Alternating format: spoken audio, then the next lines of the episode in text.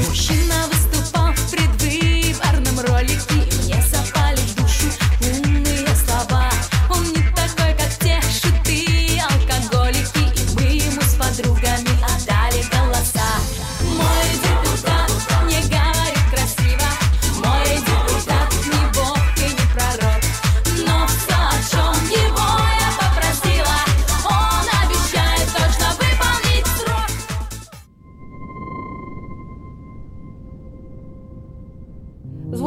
песня «Мой депутат» в исполнении российской поп-группы «Поющие вместе».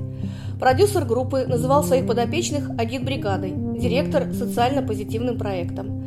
Главный ее герой – депутат-мужчина, а поют о нем от лица женщины, ничего не понимающей политики. Но в литовском контексте нам как раз выдалась пока еще редкая возможность обсудить избрание всем Литвы сразу трех женщин, которые возглавили списки трех разных партий. Можем еще, сколько у нас еще есть времени? Ну, чуть-чуть можем. Да. Как-то начали говорить про там, белорусский триумвират, про литовский триумвират. А можно, можно говорить не, не просто триумвират, триумфеминат? В русской традиции я нигде не нашла. Просто берут в кавычки триумвират да, и, да. пишут женский. Я просто в немецком контексте нашла триумфеминат, что-то там было с Меркель и с ее помощником. Ну, просто хорошо, продолжайте, извините. Нет, все хорошо. О наших депутатках, если употребить феминитив, беседуем с профессорами Института международных отношений и политических наук Натальей Орловскайте и Давили Якнюнайте. Я раньше ничего не знала о политике, смотрела сериалы. Сериалы и так ли они далеки от политики и политиков мы тоже обсудили. Говоря про гендерное воображение, связанное с участием в политике, неожиданно вспомнилась другая песня этой группы «Хочу такого, как Путин». Это прозвучит в конце эпизода.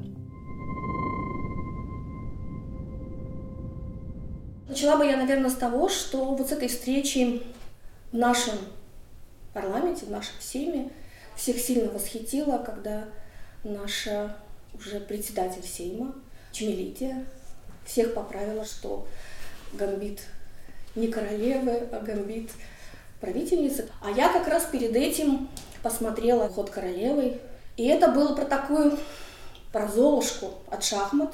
И поэтому, когда я прочитала фразу в новостях, что возникла вообще тема этого гамбита, я поняла, что весь литовский семь посмотрел этот сериал. И тогда мне задают вопросы вообще к вам про все вот эти образы, откуда мы их черпаем, потому что я даже специально перед встречей с вами начала смотреть четвертый сезон «Корон».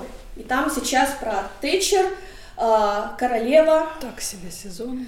Да, я, ну, мы сейчас обсуждаем достоинство фильма, да? Тэтчер, королева и Диана. Они такие шаржированные, мне очень кажется, и сама Тэтчер, и сама королева. Я даже иногда думаю, пародия ли это? Так это было задумано, или так случайно вышло, что... Ну, все равно. Тэтчер такая непреклонная политик, который возросший уровень безработицы, и тот самый мужчина, который пробрался в, во дворец королеве, на самом деле это то просто небольшие издержки, ожидаемые, логичные и ничего в этом страшного, но при этом она совершенно сумасшедшая мама по отношению к своему там млад... нет, не младше, у нее, у нее близнецы, но она к, к своему любимому мальчику. И это тоже образы. Все вот эти вот женские образы. И я так понимаю, что эти сериалы мы все вместе смотрим. И вот в литовском семье их смотрят, и вот я дома смотрю. Из того, что я смотрела, вот последнее это вот и есть еще старые фильмы. Вот интересно, вот приходит женщина в политику, какие образы мы создаем, из чего они состоят? Я не знаю, как, как вообще, с, с какого места тут нужно начинать, чтобы про это говорить. Потому что я так понимаю, что вам интересно соединить такую культурную мифологию, э, связанную с женщинами-правительницами всякими разными, или женщинами-политиками, и повестку дня. То есть вот как мы можем через э, действительно существующих женщин-политиков увидеть, какого рода такой культурный, культурным воображением э, мы располагаем. И мне кажется, что тут выбор побольше, чем вот э, между Золушкой и Железной леди, но одновременно он не безграничный, судя по всему. Потому что каждый раз, когда появляется новая, яркая женщина-политик – ей пытаются подобрать что-то вроде такого архетипа. Вот по какой модели она существует, будет ли это модель Золушки, будет ли это модель такой жесткой правительницы, жесткого бюрократа, или это будет модель, связанная с, с таким гламурным успехом. То есть мы вроде бы как ищем все время эти модели. И э, с одной стороны, это, конечно, нам, наверное, подсказывает, что явление не настолько привычно, чтобы мы легко согласились с разнообразием. То есть сведение какого, какой-то культурной модели к архетипу, к образу, к роли нам известной, нам нужно, чтобы нам вообще всем вместе, нужно, чтобы упорядочить это явление, которое кажется все-таки эксцессом. То есть вот если бы оно было совершенно нормальным, привычным явлением, если бы женщин-политиков было много, и они были бы разными, то тогда нам, наверное, не надо было бы каждый раз подыскивать такой образ или символ, который мог бы нам это объяснить. Потому что этот поиск нам все время подсказывает, что мы ищем какое-то объяснение этому явлению. И особенно если женщины начинают появляться не по одной, не поштучно, а какими-то группами. Если появились три женщины-лидера, не обязательно партии, но выборов и партийных списков, то нам тогда хочется, чтобы волшебство числа приобрело какое-то объяснение. Ну вот их три, они кто? Они три грации, они три богатыря, они там воительницы, кто они? И поэтому мы начинаем заниматься этим перебором э, известных троиц, тройственностей, и подыскиваем какое-то понятное э, понятное изображение, понятную картинку мы подыскиваем под это явление, которое нам кажется требующим объяснения. И мне кажется, что вот это, по идее, это должно нас немножко беспокоить. То, что нам очень хочется сказочного сюжета, нам очень хочется фильма, который мог бы объяснить э, появление новых персонажей. И хорошо бы, конечно, чтобы это стал такой реалистичный фильм, вот такая драма каждодневная с массой всяких разных персонажей и с разными ролями. У нас образы про женщин-политиков не из литовского контекста происходят, думаю, а из э, англосакс ну, англоамериканского контекста, я думаю. Мы видим видим Хиллари, видим, э, может, Тэтчер теперь опять, когда из-за сериала все решили. Мы видим там еще как Меркель, да, и мы с ним сравниваем. Мы не сравниваем с э, прошлым, мы сравниваем не, просто так. Я думаю, что это очень важно, потому что очень мало в литовском истории. Я думаю, что не выделуто было, было, была бы, может быть, Барбара Радвилайт или Бонус Форца, но опять это как бы не живые, это как бы, это, это стереотип, это миты не очень живые. Мы просто так вспоминаем их, но они не, не функционируют в нашей среде, я думаю. Так что на наше брожение влияет, я думаю, да, сериалы, ну, это глобализация, да, сериалы на, а, на английском языке часто, или международная политика. Мы хотим, э, что-то было похоже на эстонскую президента, может, на, на опять Новая Зеландия, что-то похоже. Вот я думаю, что ну, это важно. И даже я не уверена, что это прям вот про женщин-политиков, но э, как начинает изменяться визуальный ряд, связанный вообще с государственностью. Мне, мне кажется, что это важно. Но вот мы знаем такую каноническую фотографию всех, кто подписал Декларацию независимости 18 года. И э, понятно, что на ней изображено 100% мужчин. При этом начинает потихонечку утверждаться в качестве соседнего образа становления государственности, раннего становления государственности. Например, фото фотография пяти женщин, которые участвовали в учредительном сейме, и это становится важной частью общего рассказа о становлении государственности. Э, понемножку. Понемногу, понемногу, да, конечно, не, не, не настолько и растиражированный, если это мужская фотография, она вон граффити э, рядом с э, тюрьмой Лукички на, на, на школьной стене, по-моему, там, то э, эта фотография в качестве граффити, кажется, не существует. И опять же, в ту же самую струю изменения такого образа государства, наверное, входят появляющиеся книги о такой жанр, например, 100 женщин Литвы, э, там, угу. важных женщин Литвы. Книга? Они, во-первых, уже не одна, угу. что важно, Э, во-вторых, у них разные каналы распространения, но даже не это важно. Важно то, что появляется репертуар исторических ролей, угу. очень разных, в, в одной из этих книг, которая издана Центром равных возможностей, у них была специальная идея рассказывать не только историю успеха, то есть идея, у нас много ролей в прошлом, мы можем найти много профессий, мы можем найти много стилей жизни, и они все не обязательно связаны э, с заниманием постов, с успешной позицией, с долгой жизнью. И мне кажется, что изменение доступного репертуара гендерных ролей, которые к тому же можно протянуть на достаточно далекое прошлое, так чтобы не осталось только Бона Сфорца, угу. и чтобы не осталось только Барбора Радвилайте или э, Эмилия Платерита, и чтобы на этом у нас все приблизительно... Нажимайте еще. Ну, Нажимайте, это да. уже ближе к нам, да. Ну, она эм, феминистка, так что хорошо. Можно. Э, и мне кажется, что опять же, изменение популярного воображения, связанного с гендерными ролями, оно прослеживается не столько на уровне там, распространенности или нераспространенности напрямую роли политика, опять же, в поп-культуре, в поп-воображении, а в том, что сам, э, сам репертуар ролей по которым, допустим, можно строить э, свою генеалогию, своей, своей биографии. И вот он расширяется, изменяется и становится частью образования, в том числе школьного. Мне кажется, это важным процессом, который хорошо бы, конечно, ускорить, улучшить, утолщить, распространить, но, эм, но это все равно происходит. Цитата из трейлера к фильму «Ход королевы» или «Королевский гамбит». Мужчины захотят всему тебя научить. Это не значит, что они умнее. Пусть у тебя в одно ухо влетает, а потом иди и делай, как сама считаешь нужным.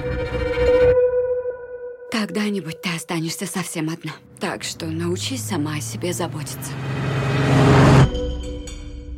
Расскажи читателям Life, каково это. Одна девушка. Среди стольких мужчин. Трудно сказать, как у тебя все сложится. Еще, наверное, важная вещь э, в, в поиске объяснений – это то, что мы начинаем иногда руководствоваться такой, такой логикой метонимии. Нам кажется, что если появляется женщина во главе правительства страны, кабинета министров, партии, что это само собой сразу нам представляет какое-то большее явление. Мы склонны думать, что вот если появились три женщины ярких политика, что за ними стоит такая же как-то помеченная женскостью, женским присутствием, количественно даже э, женским присутствием партийная политика, не знаю, межпартийная политика и прочее. И это далеко не обязательно так. Потому что если мы посмотрим, раз мы обсуждали э, гамбиты, то если мы посмотрим на весь список партий, который привела э, в парламент э, новая, новый представитель парламента, то мы увидим, что никакой метонимии за этим не стоит. Метонимия? метонимия – это замещение целого частью. Часть замещает целое как если бы чмелита была частью чего-то, в чем будет еще некоторое количество чмелита. И это не наш случай, потому что весь дальше партийный список, который попадает э, в парламент, он весь состоит из мужчин. То есть это нам должно подсказывать, что чмелита не является лицом явления, она является лицом чего-то совершенно другого есть мы не, не, не должны искать объяснения именно в этой области, что появление ярких женщин-политиков означает, что происходит какой-то непременно, он может происходить, но непременно, не непременно происходит какой-то слом во внутрипартийной жизни, во внутрипартийной политике, в нашем общем представлении о том, кого мы выбираем, кого мы рейтингуем. Далеко не обязательно так. То есть я к чему все веду? К тому, что поиск золушек, фей, воительниц э, и прочего, он, конечно, является симптомом того, что нам нужно как-то объяснять новые непривычные явления, но с другой стороны, мы этому явлению иногда приписываем больше размах появлению ярких женщин-политиков, чем, видимо, это происходит на самом деле. Вот от фей к стеклянной горе. А о том, что вообще роди- родился этот дискурс сразу же, про то, что это вот и Грибалскайте в своем там, не знаю, ну, какой-то текст, где она говорила о том, что, мгм. да, что женщины пришли, потому что ситуация сложная, и общество как призвало, и что вообще женщины испытывают такой карьерный скачок, потому что ситуация сложная, и тогда вот только они берутся за такую сложную работу, не боятся ответственности и не боятся упасть. Насколько это действительно... Не знаю, Глебовская сказала про падение. Не знаю, я про падение нет, да, это я уже от себя добавила. Да.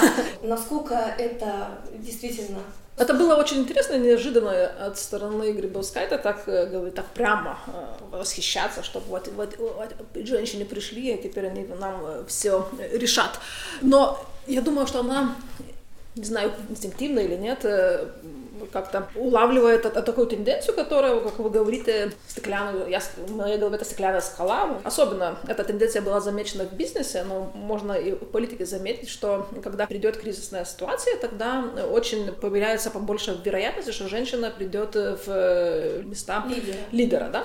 И тогда всегда вопрос, почему так по- получается? Может быть и того, что женщины всегда, когда трудно соглашаются, потому что ну, не будет никакой другой возможности. Может быть тогда ситуация, когда все ищут э, каких-то других решений э, решить эту ситуацию. Но это было замечено, что особенно в э, британской и американской среде лидером тогда большой компании или, может быть, большой какой-нибудь партии станет становится женщина. Но ситуация всегда рискована, потому что если кризис, тогда ве- вероятность, что тебе не удастся, очень тоже большая. Ну, это вот, вот такой контекст. Э, Не знаю, зна- зна- знает или знала это про это Грибовская, но это называется как стеклянная скала или стеклянная гора. Но я думаю, что в литовском контексте это немножко по-другому. Таких ситуаций не можно объяснить просто одной причиной. Да? Я думаю, что очень хорошо можно объяснить, почему Чмелита Нильсон стала председателем э, Союза либералов. У них точно был кризис. Это такая политическая организация, которая пережив... все еще переживает такую кризисную ситуацию. Там э, судебный процесс идет. Я думаю, что тогда партия начала искать таких инновативных решений. И это объясняется, почему Чмелита Нильсон ста- стала председателем. Потому что я думаю, если была норм... вся нормальная политика у них, точно она должна была бы ждать еще 10 лет, чтобы дорасти, да, в кавычках, до поста, поста председателя в, в голове многих э, членов партии, я думаю. Так вот, для меня это точно объясняет эту идею про э, стеклянные, м, стеклянную скалу. Но если думать про литовский контекст, это там же Шимоните стала лидером э, списка консерваторов не потому, что какая-нибудь кризисная ситуация. Просто, на- наконец, партия нашла лидера, который может привести больше голосов, чем э, Габриэлюс Ландсбергис отдельно, да? Так, что, может, это, это другой, я думаю, феномен. А у Шиня Армонейте совсем тоже другой феномен. Как, это получается, и как это такая новая, новая партия с очень молодым лидером может э, стать э, членом коалиции. Так что это комплексное объяснение, почему так происходит мы вернемся к э, словам Грибовскайта, я думаю, что немножко тоже эта эйфория, это прекрасно, хорошо, эйфория прекрасно, но она тоже опасна, потому что очень много, и, и это мы видим в- теперь в э, сетях в разных, в порталах, вот что-то что другое пришло, как вы уже заметили, что-то другое, что-то будет все по-другому. Это, конечно, понятно, потому что ну, новая власть пришла, это понятно. Но опасно, потому что ожидания очень большие, может быть. Это, а когда большие ожидания, и когда все не, не всегда, получается, я думаю, что ну, все, все равно не получится, потому что у нас точно несколько кризисов теперь. э, в- и, и тогда, когда не получается, тогда ну, севелимас, Разочарование. тогда разочарование бывает побольше. Вот, вот это, я думаю, опа- опасность в этом. А что тогда следует? Тогда следовать идея про то, что ну вот, не получилось, значит, женщины ничего не могут. Да? Надо Чем больше ожиданий, тем больше вернемся опять к мужчинам, да, нормальная ситуация, и тогда опять можем вернуться. Вер- Мы вернемся туда, где, ну, куда были типа, несколько лет назад. Но я думаю, не обязательно так случится, потому что одну разницу я вижу. Иронично или так смешно, но я думаю, что когда э, сквернялись, э, была ситуация, когда в кабинете сквернялись, не было ни одной женщины, эта ситуация была очень хороша, в кавычках, э, потому что она нам продемонстрировала такую абсурдность ситуации. Что если одна, две были женщины, это тоже плохо, мы тоже были в конце Европейского Союза по числу женщин в кабинете, но это, этого никого не волновало. Когда мы ноль получили, это вот так черно, все, все понятно, да. И такой контраст очень тоже помог, я думаю, в этой ситуации теперь, когда понимание, что это нехорошо. И я думаю, что мы не, не вернемся теперь назад немножко, потому что я думаю, что пришла другая генерация э, женщин, да, поколение, поколение которое ну, вдохновляет это очень модно, да, вдохновляет, но я, я все равно использую это слово, вдохновляет э, других девочек или молодых женщин тоже пойти по политику. Я думаю, что э, когда была Даля Грибовская, когда она управляла страной, э, она очень громко про права женщин говорила только в международной среде. В Литве она очень мало про это говорила. Тако, таких так слов... это было непопулярно? Я не знаю почему. Она опас... Я думаю, что как-то опасалась или этого не делала. И это было... Это... это было заметно? Да, это было очень заметно. И я думаю, что... А, а, а теперь, когда все наши три лидера пришли, они по-разному, но все равно они говорят тоже про то, что они на, пришли в политику такую мужскую среду, и, и, и они понимают про, и, проблему прав женщин и так далее. И это, это уже изменяет тоже введение изнутри позицию. А Аделя Гриловская этого не делала, как ролл модель, да, потому что одна из причин и причин и эффектов, почему нужно больше женщин, говорят очень часто, что они, когда яркие политики приходят, они вводят э, побольше молодых женщин. Так что, что я думаю, что одно изменение, которое при, при, происходит и которое немножко э, как бы скептицизм Натальи немножко уменьшает, потому что она, я думаю, что они меняют среду Э, среду, политическую среду, когда, которая была все-таки очень, очень мужской у нас в Литве. И остается все еще мужской у нас в Литве. Мне кажется, что замечание про то, что стопроцентно мужской кабинет министров сделал очевидным неудачность ситуации, мне кажется, что оно такое очень важное, потому что э, с этим связано э, то, как устроена в том числе и массовая оптика как мы видим это, это для нас проблема или не проблема. И кажется, что теперь это такое явление, которое невозможно развидеть.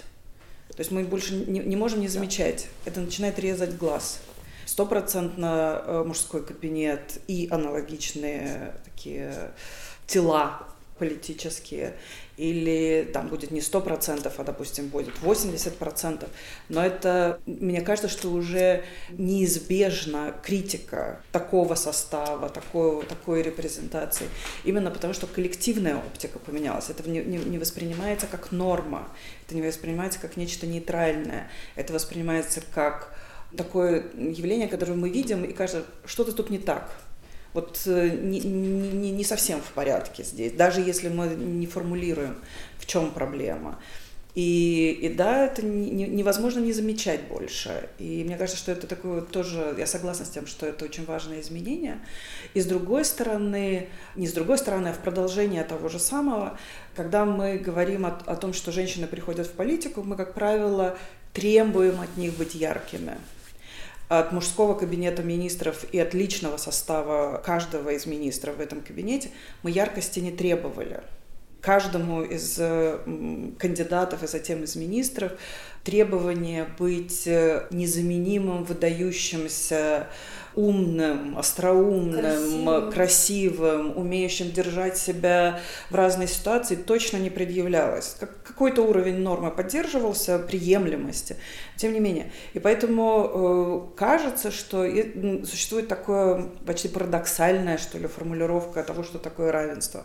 Э, и она звучит примерно так. Допустим, если мы говорим про правительство, когда в правительстве будет такое же количество женщин, середнячков, сколько у нас бывает в правительстве мужчин-середнячков, вот тогда мы достигнем, наконец, равенства. А не тогда, когда супер яркие женщины получат таки наконец-то место э, в парламенте, в правительстве, в, на уровне местных органов самоуправления. И только будучи супер яркими, они смогут на это рассчитывать. То есть тут важно еще не просто присутствие э, женщин или мужчин, но и система требований, которые к ним предъявляются. Подумала вот еще о чем, что вот попадаем в какие-то на какие-то там позиции, попадаем них как женщины, а потом хотим, чтобы все забыли, что мы женщины, и даже, возможно, может быть некоторая дискриминация в отношении других женщин. Вот, вот я попала на эту позицию, вот я сильная, а вот она женщина, вот она, она не может в общем, подниматься. Вот я поднялась, а она не может. То есть вот этот момент можете прокомментировать? Тувеля поможет вспомнить, лет семь назад по приглашению Британского совета в Литве гостила известная астрофизик Белл Барнелл. Сколько лет назад это еще было? Еще побольше. Ну, наверное, еще угу. где-то около 10, наверное, лет назад. И она знаменита тем, что она не получила Нобелевскую премию. Нобелевскую премию получил руководитель, ее руководитель ее диссертации и э, лаборатории, где она работала. А она не получила Нобелевскую премию, хотя было известно, что что-то там очень важное, астрономическое, я детали сейчас не назову, было придумано именно ею, разрешено именно ею. И когда она как раз у нас в институте э, читала лекцию и рассказывала о своей карьере, он, он, среди прочего она сказала, что бойтесь всегда женщин, которые первыми в своей области остан, заним, начинают занимать какое-то важное место, потому что они киллеры, они вокруг себя Очищали. потом будут вычищать э, все пространство и будут предъявлять к женщинам непомерные требования. То есть, а теперь докажите, что вы можете тоже, или не тоже, а просто докажите, что вы можете быть в этой, в этой области и будут через, чрезмерно строгими. И э, мне кажется, до какой-то степени это действительно, потому что э, иногда женщины, которые приходят, э, особенно на руководящие э, посты, они опасаются быть уличенными в том, что они поддерживают женщин, не то чтобы предоставляют какие-то привилегии, но да, что они просто скорее, что они поддерживают, специфически поддерживают женщин. И это опасение э, быть э, пойманными на этом, их иногда э, приводит к тому, что они скорее э, будут отвергать кандидатуры женщин в пользу мужчин, думая о том, что они таким способом справед... справедливы даже ваш вопрос мне напомнил тоже про другие, другие ситуации, э, как назад историю, но холодная война, да, и мы видим вся, всяких таких диктаторов, да, Мао, или в э, Филиппинах был Маркос, и, и как немножко и так смотрела на первые леди, да, и когда я поняла, что у них, например, были очень смарт, Умные. У, очень умные, очень амбициозные женщины, да, жены, да. И тогда, когда ты видишь там, какая динамика между ними была, они хотели власти. И в некотором смысле они, конечно, я спекулирую, но это понимаешь, что в этой среде такой патриархальной, такой, э, такой традиционной, ты не можешь быть президентом, ты не можешь быть лидером партии. Но второе лучшее, э, что может, может быть, ты можешь быть амбициозной женой, и тогда быть во власти тоже. И когда вы говорите про так, когда женщина приходит в некоторых таких ну, ситуациях, когда женщина приходит в пост мужчины, но когда экстремальная ситуация бывает, то такие же вот истории тоже связаны с этим, что, как я сказал, политика традиционная среда мужчин, да, с давних времен, и, так, и, и даже те качества, которые мы ждем от политика, очень связаны с то, что традиционно мы ждем от мужчин. Агрессивность, амбициозность, э, э, быстрость принимания решений и так далее. Так что тогда как, как, как, как, как стать частью этой среды. Первый шаг, который особенно в недемократических странах был быть женой или с, с, с мужем, который такой амбициозный. Это просто такая интересная историческая параллель. Это, я думаю, что теперь это как в нашей среде, может быть, не работает, он может быть, не знаю, можно поискать какие-нибудь примеры, но это тоже ну, интересно. Ну, интересно. интересно. Вот, а, с Грибовскайте мы два срока, да, да. как-то обходились и без, и без леди, и без джентльмена, да, а, вот, и теперь, когда, конечно, пришла ситуация с Новседой, и у него есть жена, и она стала первой леди, и, и да, и мы вот неожиданно столкнулись с этим феноменом, да, вообще это первой леди, которая присылает какие-то такие интересные различные э, сигналы с президентского дворца. И казалось бы, что мне не раз ловилась на мысли, что лучше бы и не было бы этого института как такового, чтобы вот как-то не было его там 10 лет, и чтобы дальше его лучше бы не было. И, и вот отношение к ней, э, это первой леди государства, это связано с тем, что мы не привыкли к, этой, к, к существованию такой позиции. Или все-таки сигналы, которые она присылает, обществу уже не подходят, не воспринимаются, все в штыки, а может быть именно поэтому в штыки, потому что... Ну, знаете, это еще в штыки, это еще кто воспринимает. Я думаю, что это воспринимает приблизительно три окружающих нас района сейчас э, воспринимает это все в штыки. Э, Ну, Микрорайона. Да, феномен первой леди очень так интересный, потому что, как вы и сказали, что 10 лет не было и не было нужно. Никто, ну, хорошо там некоторые там плохие критики там, говорили, что да, что там может а, одна, и то что-то ненормально, но мне, мне очень интересна эта, наша ситуация, когда мы получили первую леди, и которая тоже пришла понимая, что она будет первой леди, что она будет, вот мой муж президент, и я буду первой леди, это очень важно. Я не пока не, знаю, что это будет, но это будет очень важно, серьезно. Начала я, готовить да, гардероб. Да, э, ну, хорошо, да, и я думаю, что этому пониманию очень помогло тоже наша медиа, да. Теперь не один человек, которого можно, про которого можно говорить, но есть два. И, и как-то, когда говорим про жену, потому что первый джентльмен это такое очень непонятное да, явление. И, и мы, когда думаем о первой леди, всегда думаем про, про американские первые леди. У нас там есть такой идеал или имидж, может быть Мишель Обама, может быть Лора Буш и может быть Джеки Кеннеди, это можно важное, но у нас есть тоже такое ожидание. Я думаю, что у Дианы Мосседения что-то там инстинкт тоже было. Но что получается, что, как вы и говорили, это, этот институт, можно сказать, или просто это явление очень традиционно. Хотя это в демократических странах везде есть, но это все-таки не демократическое явление, а какое-то аристократическое, да? рудимент монархического мышления, да? когда мы думаем, что когда есть монарх, у него есть жена, и они так репрезентируют вот такая пара, такой, э, такая хетеронормативность страны, и, и нам там какой-то ну, такой месседж получаем, да. И тогда мы переносим это в демократическую ряду, и получается что-то неясно, потому что она делает. И, и тогда мы думаем, что она может быть делать что-то красиво, что-то там с, с детьми, может быть, с, с, делать что-то благо, благотворительное, и мы как-то ждем. Но что получается? Когда мы ждем, думаем про первую леди, мы всегда думаем, я думаю, что мы всегда думаем, что она не политическая, что она не, не, не должна делать политических э, заявлений, заявлений свое мнение рассказывать. И тогда мы разрешаем ей делать что-то другое, красивое, приятное и так далее. Но что случилось в Литве, и потому что про штык, когда вы говорите, что Диана Мусадина начала э, говорить про не, не прямо, но про права женщин. И не в, про, начала диску, дискутировать про репродукционные права, и даже как бы стало понятно, что она не поддерживает право на аборт. Младшая сестренка, я знаю, ты сейчас не хочешь ребенка. Я знаю, что все получилось случайно, и это пока еще страшная тайна. И твой любимый тоже очень напуган. Я знаю, вам неловко друг перед другом. Вы оба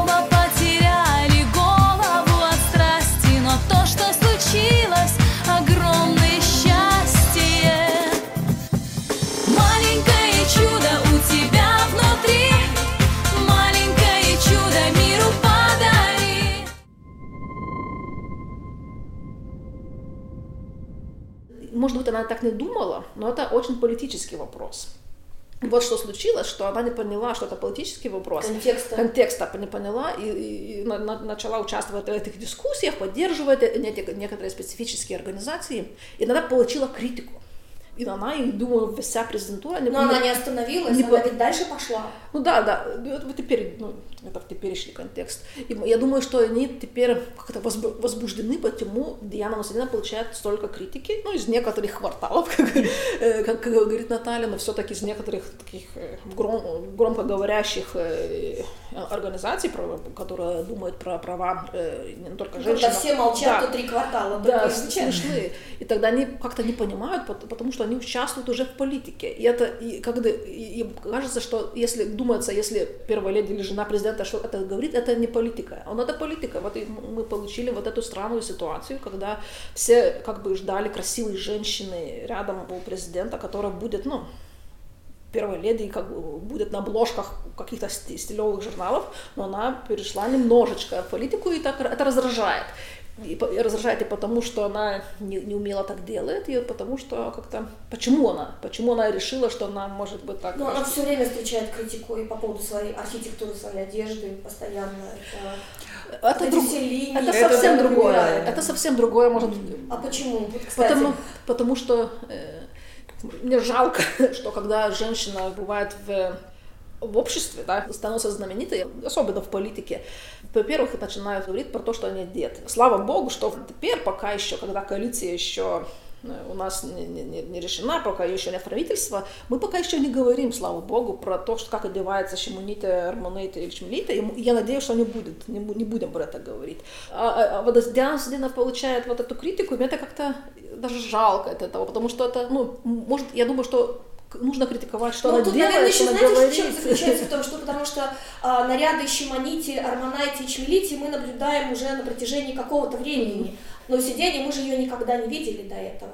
Ну, может, кроме ее студентов, э, Ну, может ее студент. Мы никогда не видели, тут она появилась, и причем у нее всегда ведь есть какой-то какая-то мысль в этой одежде. Ну, например, она в Валдовой Румы во дворце правителей одевается в платье средневекового такого, а средневекового покроя, там, чуть-чуть похоже на там, Барбору Радвилайте. То есть у нее какая-то мысль, она не просто одевается.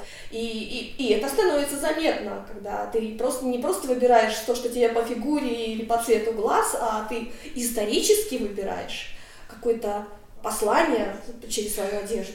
Наверное, в этом есть какая-то такая доля правды, потому что коммуникация президентуры с самого начала была отчасти построена на том, что супруга президента специализируется в протоколе. И не просто специализируется в протоколе, но и эм, можно сказать, претендует на некоторую рафинированность в этой области и на то, что все наряды, они обладают, несут в себе некоторое послание. И одновременно, что эти наряды участвуют в репрезентации страны. И, и получается тогда, что таким очень декоративным способом, очень таким мануфактурным способом супруга президента участвует все в той же самой публичной политике, в системе репрезентации. То есть каким способом первая пара страны появляется на людях или э, в каких нарядах фотографируется при визите, официальном визите какую-нибудь страну. И тогда, как правило, под текстом идет то, что эти наряды, они несут в себе некоторое сообщение либо об аристократичности, либо о традиционности, либо о, там, не знаю, связях с народностью, еще чем-нибудь. Поэтому, да, я думаю, что вот этот э, такой модно-декоративный способ э, участвовать в той же самой политике, он э, существует в случае этой пары. И мне, мне кажется, что еще в этом, что в этом интересно, вообще в парах, то, что они э, хотят или не хотят, э, парой тогда и участвуют в политике. И мне кажется, что это было бы очень наивно говорить, что, критикует, что мы критикуем ну а мы критиковали э, именно жену президента, потому что понятно, что через действия жены президента, а, как правило, критику получает реализация института президента в данный момент. То есть это никогда не, не, Не персонально, не критика да. ч- человека, супруги, а это, как правило, все-таки критика того, каким способом президентство воображается и ре- реализуется в данный конкретный момент. И в этом как раз будет довольно много отличий от э, того, эм, как этот институт и само президентство или управление государством реализуется в тех случаях, когда руководитель страны женщина.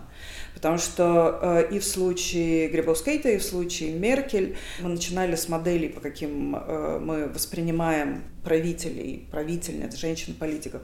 Моделью была Елизавета I, обручена с государством. Неважно, существует супруг на самом деле, как у Меркель, или как Грибовская правительница существует соло, они себя презентуют, и вся их система коммуникации построена на том, что их обязательства, прежде всего обязательства перед государством. И поэтому, да, модель такая Елизаветы, такой э, неотделимый, отдавший руку и сердце прежде всего государству. И поэтому никакая пара не рассматривается, неважно, существует она, не существует. А в случае мужчин-правителей там всегда предполагается такая гетеронормативная пара. И поэтому э, первые леди, если они не заявляют, что они не собираются оставлять работу, как это только что сделала супруга новоизбранного президента США, если они не делают такого заявления, они все равно попадают в зону политики, в зону политической оптики, и тут уже ничего с этим не сделаешь, и надо принимать всю критику как критику, а не как э, личное оскорбление. Есть еще другой момент по поводу аксессуаров, сейчас уже скажем, это по поводу движущего шоу. Там три женщины, Шимонити, вы можете потом посмотреть, Шимонити, Чемилити и Арманайти выбирают сумочки. Они портфели делили. Портфели, да, но это как сумочки, потому что они обсуждали аксессуары, замочки, фасончик и тому подобное. То есть чуть-чуть такой женский, женский такой элемент. А, ну, это... Я думаю, сексизм ли это или не сексизм? Есть история про Тэтчер. Я, правда, сейчас не воспроизведу фразу, которую она тогда говорила. Что-то там тоже было про аксессуары, про то, что она везде появлялась с сумочками. И она потом сказала, что ну, что-то вроде того, что моя сумка – мое оружие, подняв ее перед собой. Что-то вроде этого. А, то есть у, у, у этого аксессуара такая богатая политическая история. Поэтому, не знаю, я не видела толком. Да. Ну, можно, может, конечно, э, теперь всякие хумористические шоу будет использовать это, и немножко, конечно, будет использовать это женские, женские стереотипы, да. Я совсем именно по-другому, может, и Но когда про меняющиеся стереотипы я вспомнила, ну, когда, да, Елизавета и наша бывший президент тоже так, такой стереотип, что, э, что одна. Но что меняется? Я вспомнила премьер Новой Зеландии, Синда Андерн, которая очень э, меняет этот стереотип, у которой есть партнер, даже не, за, не, муж, даже не муж, да, она же родила э, ребенка, да, и муж остался, остался, публично остался за, как отец, как, как это называется, ну, каникулы, да, каникулы, отпуск, отпуск, отпуск. И всех тоже это, все, все уже международная медиа так вау говорит, можно... Это, почему? Потому опять это непривычно, да? Привычно видеть Меркель, которая такая вот серьезная и одна, или... но когда видишь женщину, делающую карьеру, у которой мужчина оставляется дома, ну так стереотипно, это уже по-другому. И опять, опять вернемся в то же, что уже Наталья замечала, что это ненормально, да? А, ненормально это, ну, ненормально не нормативном смысле, но как, что, что непривычно. непривычно, да.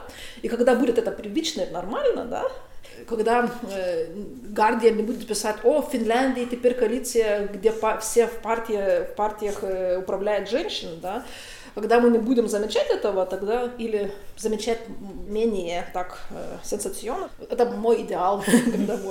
Здесь у меня такой возник вопрос. Но у меня еще, я, мы с вами заранее чуть говорили на эту тему по поводу стигм. Есть, есть уже анализы сделаны, конечно, опять в, американской среде, в американском контексте, но что когда, например, и в сетях, когда э, те, которые комментируют действия женщины-политики и мужчины-политики, женщины-политики получают от, слишком много, чем, чем мужчины политики, критики. И критики, которая, конечно, не только про их компетенцию, но про, про их, как бы они, как они внешность и так далее. Да? Это, это, это есть такая тенденция, что когда мы смотрим в политическую среду, мы достаточно критично, категорично говорим э, про женщин-политиков, чем про мужчин. Это, это есть такая тенденция. Можно про такую стигму говорить. Да. И это опять, в так, мы вернемся опять в такую, то же самое, что уже несколько раз повторяла, критерии женщин-политиков есть побольше, по, по категоричные пока еще все. И интересно, наверное, что э, некоторые из женщин-политиков узнают про эти критерии в процессе участия в политике. Mm-hmm. Например, мне кажется, что Ингрида Шимонита никогда не предполагала стать такой феминисткой, какой она стала, пока претендовала на пост президента. Потому что она услышала такое количество вопросов про э, семью детей, э, внешность, все что угодно. И такое количество замечаний, даже не обязательно напрямую к ней относящихся со стороны конкурентов, которые подчеркивали своих прекрасных детей о том, как это помогает в управлении государством. Как будут дети э, будут как бежать дети, по президентуре. Как, да. как дети будут щебетать в президентуре, да. как это, это чрезвычайно важно. И мне кажется, что отчасти узнавание про, такие, про существование таких критериев и про их распространенность подталкивает женщин, желающих участвовать в политике, к осознанию сложности этого процесса и осознанию разных требований к мужчинам и женщинам, и поэтому они становятся такими либо интуитивными феминистками, либо артикулированными феминистками в процессе. Многие из них, по крайней мере. А, это с одной стороны, а с другой э, мы вот говорим, что мы узнаем очень многое по исследованиям, которые сделаны не, не, не обязательно в, нашем, в нашей среде или в нашей стране или в нашем регионе. Но вот буквально два дня назад э, э, я была на конференции – это очень смешно звучит. Конференция должна быть в Вашингтоне. Вашингтон проходил, естественно, в собственной квартире. И э, эта секция конференции была посвящена изменениям гендерной политике в балтийских странах. И был доклад э, Лоры Дин о том, как э, действует система, электоральная система в Латвии. А у них есть особенность, у них в Швейцарии и в некоторых, по-моему, немецких регионах э, существует не только позитивная приоритизация, как у нас, когда мы можем поднять голосами кандидатов в списке, но у них есть негативная приоритизация. Можно опускать претендентов. Ее вопрос был, а как э, эта возможность действует в случае э, мужчин и женщин, которые претендуют на место в парламенте. И у нее был очень интересный вывод. Она сказала, что женщины реже получают негативные голоса, ну то есть негативные те, которые тебя в списке ведут вниз. Но, тем не менее, они никогда не получают больше позитивных, чем мужчины. То есть получается, что они реже оцениваются негативно, но точно так же реже оцениваются позитивно. И получается, что э, оказываются в общем электоральном проигрыше. И это отчасти нам рассказывает о критериях и системе ожиданий вообще, прежде всего, генеральное такое ожидание, что политик это прежде всего мужчина, поэтому мужчины-политики будут больше получать голосов, которые в сравнении, естественно, будут больше получать голосов, которые их поднимают, и что ожидание женщины в парламентской политике, оно по-прежнему остается таким достаточно периферийным, хотя некоторые там в процессе последних выборов как раз э, женщины, некоторые поднялись в своих списках.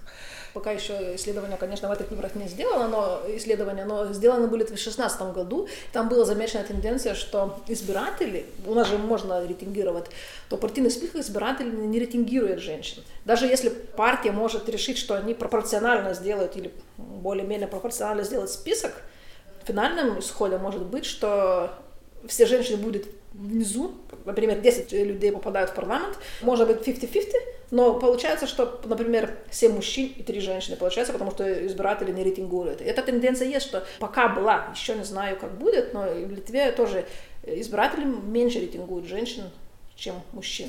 И вообще, у них их меньше, кандидируют, но все равно они... Например, из Союза либералов были женщины в десятке, но они были, пошли вниз. Мер Траков, например. Так что вот, вот одна еще, и когда мы говорим, почему мало женщин в политике, это можно многих, очень много а, ответов найти, но один здесь, женщины не идут в политику, но можно дискутировать, и мы дискутируем почему. Но второе, второе объяснение, что в партиях какая-то политика не, не, не такая. Но третье, просто люди не голосуют за женщин пока еще. Они не самосознательно думают, что я не буду выбирать женщину, никогда бывает, но просто, просто. Интересно, пока говорили, я почему-то вспомнила эту песню э, про «Хочу такого же, как Путин». Э, помните эту знаменитая песня? «Хочу такого, как Путин». Поп-группа российская, вот, даже не Я знает. страшно далека. Да, народ, старая, да? это Очень ей, смешная. наверное, уже 10 лет. Первая и вторая каденция Путина там была, да. Я просто подумала, возможно ли такой вообще дискурс «хочу, так- хочу такую, как...»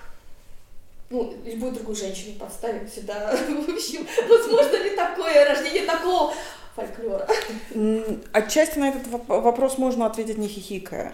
Э, В публичный имидж Путина входила желанность. От э, топлес фотографий до теперь уже достаточно долгое время такой роли свободного мужчины.